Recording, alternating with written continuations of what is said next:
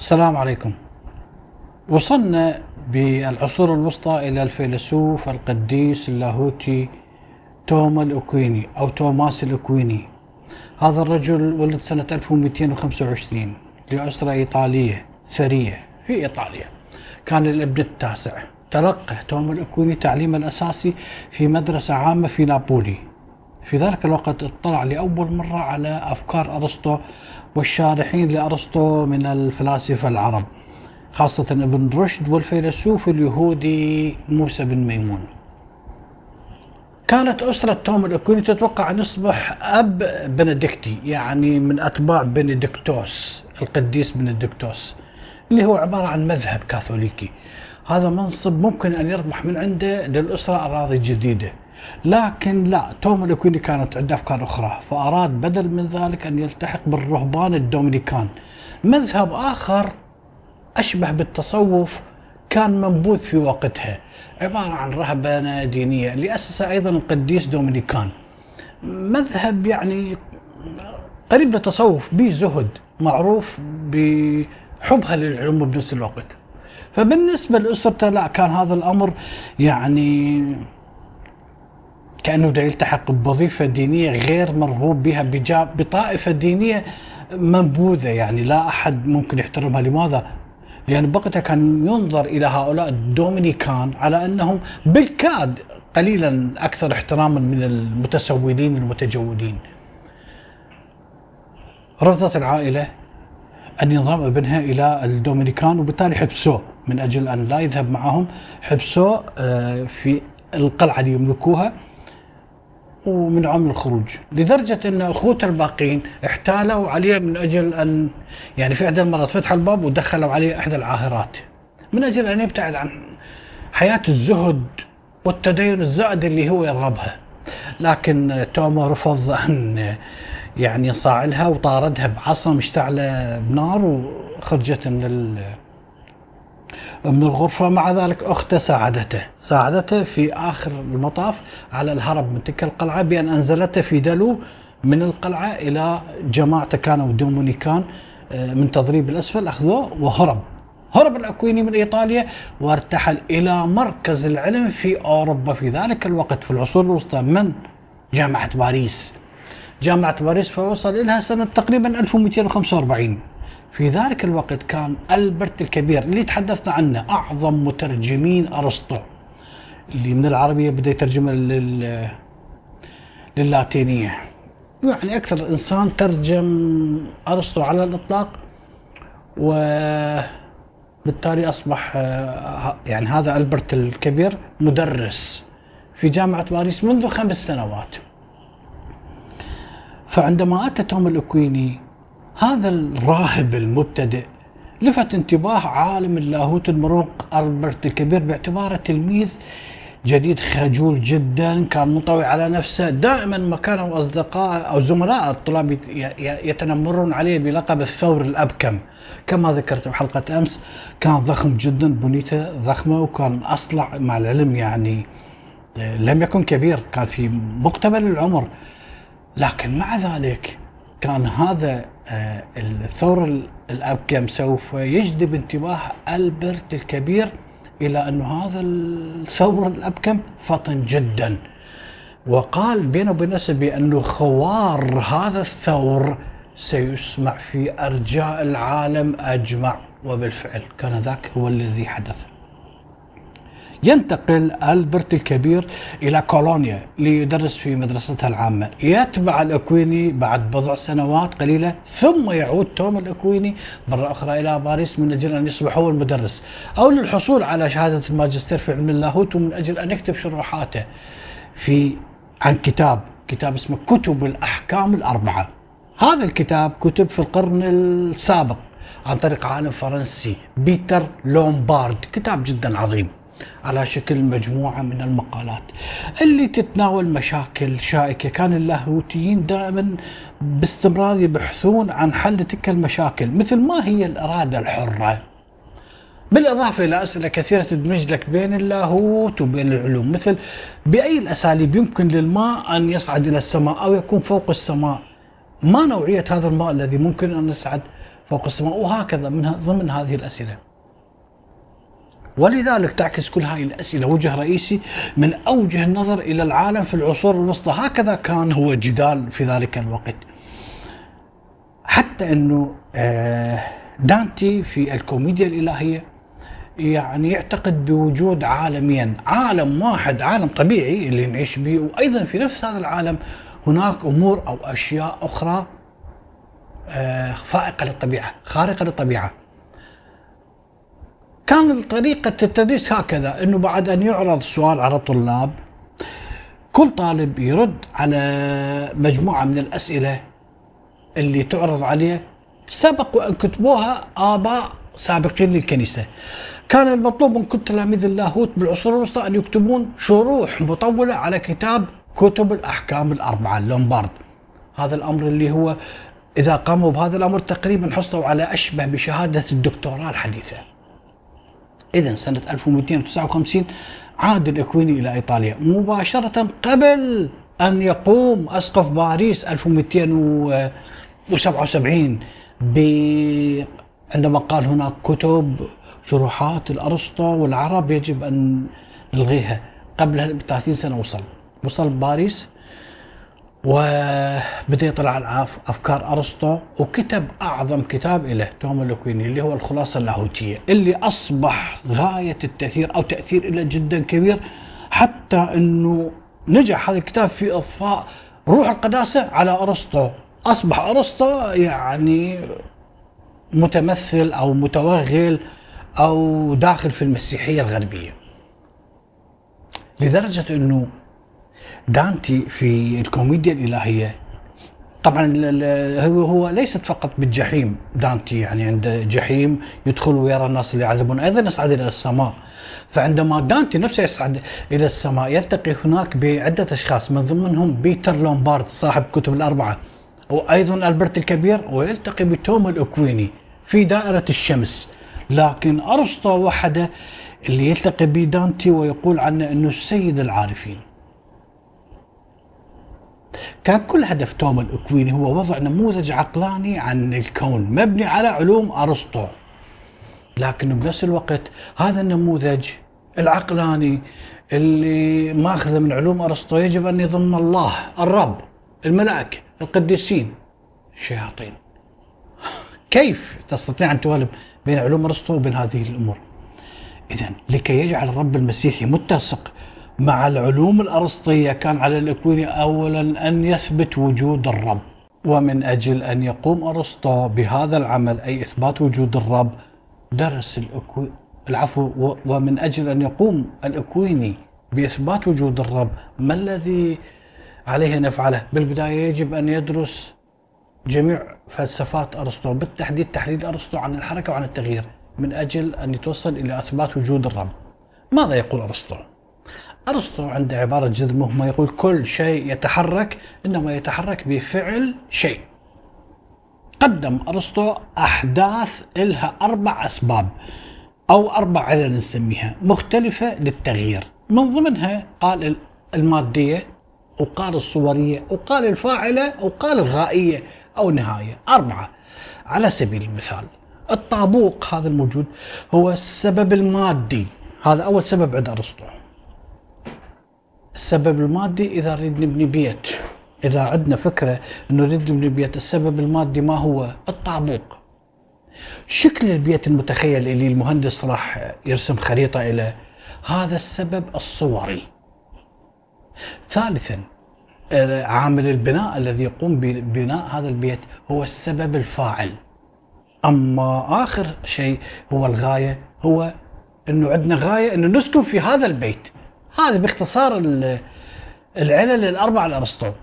فالطابوق أو المهندس اللي يخطط صورة لهذا البيت أو عامل البناء اللي يبني هذا البيت مؤكد أنه تسبق وجود المنزل.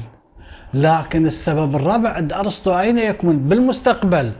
إحنا بالبداية عندنا هذه الأمور ثلاثة. غايتنا أنه آه، نسكن به لكن بالبداية هاي هاي تسبق الأمور هاي سابقة.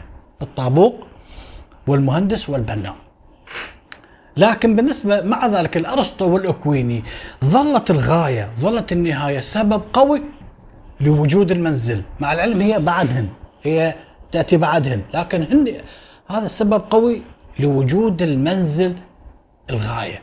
ف يعني كما نحن اليوم مثلا أنت تريد تبني بيت غايتك الأولى هي بناء بيت. تسبق هذه الأمور الثلاثة الطابوق تسبق المهندس تسبق البناء. لذلك أرسطو كان يعتقد إنه كل شيء موجود من أجل غاية. كيف؟ الأحجار عندما تسقط تسقط لأنه غايتها أو منتهاها إنه تكون أقرب إلى الأرض أقرب إلى مركز الأرض. بينما غاية القمر ما هو؟ غاية القمر أنه يدور فقط حول الأرض في دوائر مثالية. غاية الأرض ان تدور حول الشمس وهكذا كل شيء. كل شيء له غاية. إذا نقيسها على عالم الأحياء منتهى وجود الكائنات الحية الدنيا على سبيل المثال يعني عندما تأتي على الأبقار. ما هي غاية الأبقار؟ غاية الابقار إنه تخدم الكائنات العليا مثل البشر. كيف؟ بالتغذي عليها. لدرجة أنه أحد الفيلسوف الرومانيين قال أنه لا يعني وصل إلى مرحلة أبعد من ذلك أكد أنه غاية الحياة بالنسبة للأبقار هو أن تبقى محافظة على لحمها طازج من أجل أن يتغذى عليها الإنسان يعني مثل الثلاجة المتنقلة طيب هنا نسأل سؤال إلى أين سوف يتوقف هذا؟ لأنه غاية من البداية إلى يعني ليس لها نهاية يعني من الأبقار والتنازل للحشائش ثم من الأبقار للإنسان والتصاعد. يعني هذا التسلسل الهرمي من الغايات. يمكن أن أن يؤدي بنا إلى تقدم وتأخر ليس له نهاية. يعني الغاية من الحشيش هو أن الأبقار تتغذى عليها. وهكذا من الحشيش وأنزل. والغاية من الأبقار ان الإنسان يتغذى جاع يتغذى عليها. وأيضا بامكانك إن تصعد إلى ما لا نهاية. طيب كيف سوف تنتهي هذه الأمور؟ تجنب أرسطو. هاي المشكلة بأن وضع سقف فوق لكل تلك التسلسلات الهرمية من الأسباب والمسببات، قال هناك محرك رئيسي، هناك محرك أولي، هناك رب. اللي هو الغاية الأولى والأخيرة من كل شيء. فتقف عند سلسلة الأسباب والتغيرات. بالنسبة لتوما الأكويني كان هذا اللي هو حسم لك الصفقة بين من؟ بين علم اللاهوت وفلسفة أرسطو. فعلى الرغم إنه المحرك الرئيسي عند أرسطو هو عبارة عن شيء عبارة عن كيان مجرد أقرب إلى شيء منه إلى شخص على العكس تماما من الديانة المسيحية اللي تعتبر أنه الإله المتجسد هو إله مسيحي متجسد. مع ذلك الإكويني دمج بكل حماس في علم اللاهوت بحيث أصبح الإله المذكور في الكتاب المقدس هو نفس السبب الفاعل والنهائي والمحرك الأول عند أرسطو. هذا كانت هذه كانت عقلية العصور الوسطى بأكملها. ساعد إدخال أرسطو أو آه، الكويني عندما دخل علل ارسطو الأربعة.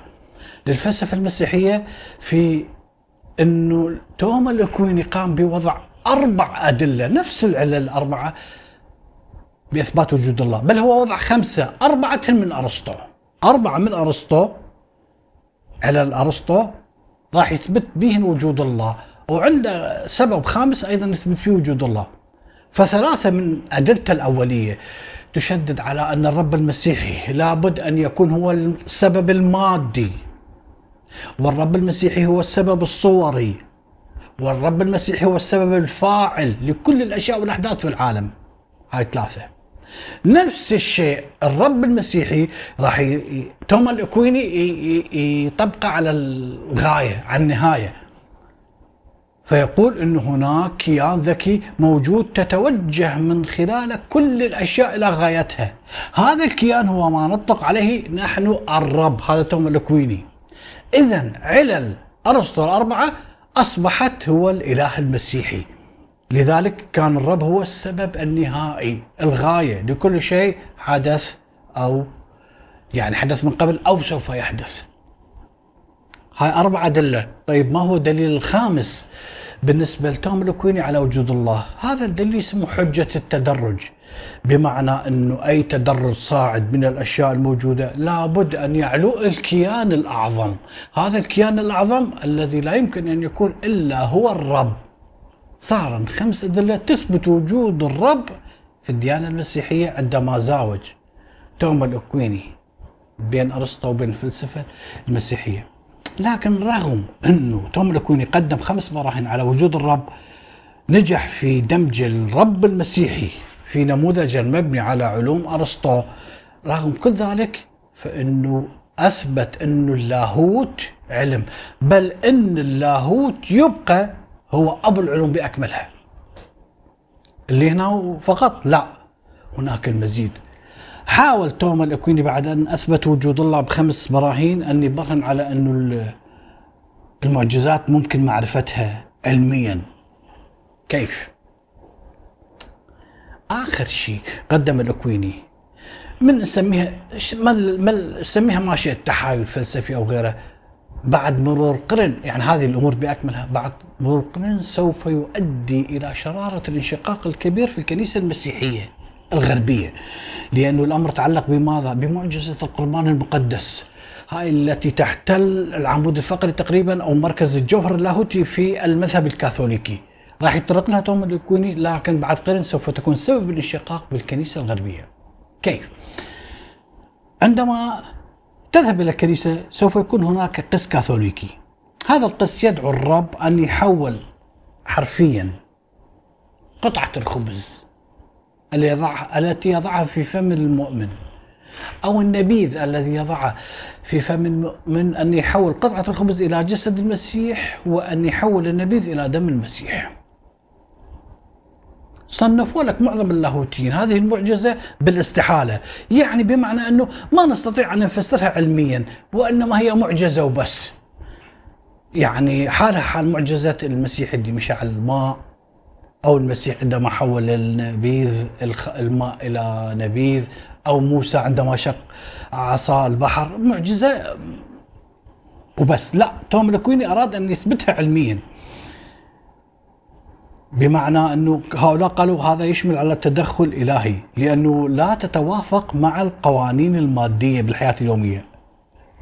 الكويني قال لا حتى هاي المعجزة آه، ممكن دمج هاي المعجزات في النموذج العلمي عن العالم حال حال علوم أرسطو. ومن أجل أن يفعل ذلك ما الذي فعله؟ استعان بهدية أخرى من العالم القديم وهي الواقعية الفلسفية. الواقعية الفلسفية اللي استخدمها منه قبل؟ بالحلقة السابقة ذكرنا القديس أوغسطين استخدم الواقعية الفلسفية من أجل أن يجد تبرير بين هذا العالم الشرير وبين الله الرحيم والعالم العظيم. العالم الإلهي. فمن أجل أن يوفق بيناتهم وجد استعان بمثالية أفلاطون. أدخل نظرية المثل الأفلاطونية إلى الكنيسة بالعصور الوسطى القديس أوغسطين فأصبحت المثل الأفلاطونية أفكار في عقل الله. لكن بالقرن الثالث عشر حلت محلها الكليات اللي عند أرسطو بالنسبة لل التوم الأكويني راح يحل الكليات بكان مثل أفلاطون لكن الفرق إنه هذه المثل المثاليات ليس كما قال أفلاطون أو العفو هذه الكليات. ليس مثل ليست مثل مثل أفلاطون موجودة في عالم مفارق بل هي موجودة في هذا العالم المادي بحيث إنه تملأ كل شيء بنوع من ما من جوهر هذا الجوهر ما كان عليه. هكذا يقول كل شيء على سبيل المثال مستدير الفواكه المستديرة بأكملها تشارك في جوهر الاستدارة. الرجال بأكملهم يشاركون في جوهر الرجولة. النبلاء والأسياد يشاركون في يعني جوهر السيادة أو النبالة. الآباء يتقاسمون جوهر أو كلية الأبوة. وهكذا. اذا سوف تصبح الكليات الأرسطية تمس يعني تحل محل المثل الإفلاطونية. فكان ينظر إلى تلك الكليات على أنها موجودة في العالم الحقيقي وليست موجودة في عالم خفي. نعم أرسطو في كتابه المقالات قال أرسطو أنه هذه الكليات تشمل لك على الجوهر والكم والكيف والمكان والصلة والوضع وما غير ذلك. لكن أهم هي الجوهر الجوهر هو يقابل المادة بالمفهوم الحديث هذا الجوهر. بمعنى أنه كل شيء له جوهر، هذا الجوهر يتكون من واحد من أربع عناصر تراب أو ماء أو هواء أو نار. نعم هناك فئات كلية أخرى نسميها عوارض اللي تتصل بالجوهر وتتغير ومو أساسية مثل شكل الشيء ملمسة مذاقة رائحته هاي تتغير لكن الجوهر يبقى ثابت. جوهر الشيء يبقى ثابت. عوارضة من الشكل والهيئة في حالة تغير في حالة تحول مستمر. مثلا البرتقالة عندما تنمو تبدأ صغيرة ثم تكبر تكبر حجمها. تبدأ شكل أخضر ثم تكبر حتى تصبح برتقالية ثم برتقالي فاقع. وهكذا. اذا الحجم يتغير اللون يتغير لكن تبقى هي برتقالة. حتى وهي بذرة بذرة شجرة نعرف إنه هذه نسميها برتقالة لأن الجوهر واحد. بالنسبة التوم يكون يعتقد أن الكليات حقيقة مطلقة تكمن في عقل الرب. وأننا عندما ندرسها ما الذي سوف نحصل؟ سوف نعرف خطة الإله. الكليات قال هي طيف من أطياف السماء إلى هذا العالم والتي تملأ لك كل الأشياء الدنيوية بالوجود المباشر للإله. إذا عرفناها راح نعرف خطة الرب. هنا راح يأتي توم الأكويني إلى معجزة القربان المقدس اللي تمثل لك مشكلة جدا كبيرة عندما يعني نريد نقحمها أو نقحم الكليات الأربعة بها. مثلا شنو المشكلة؟ المشكلة إنه جوهر الخبز جوهر الخبز ما يتغير طبقا لأرسطو يبقى ويفنى وكذا هو نفس الجوهر. لكن بالديانة المسيحية يعتقد إنه هذا الجوهر يتغير إلى لحم. الخبز يتحول إلى لحم. اذا بعد حدوث المعجزة كان يعتقد إن الخبز هو كل حالات يبقى خبز يتكون من دم المسيح. ولا زال الكاثوليك لحد اليوم يؤمنون بهذا الشيء على أنه معجزة. والسؤال اللي أزعج المدرسيين اللي يدرسون أرسطو هي عوارض الخبز. ما هي عوارض الخبز؟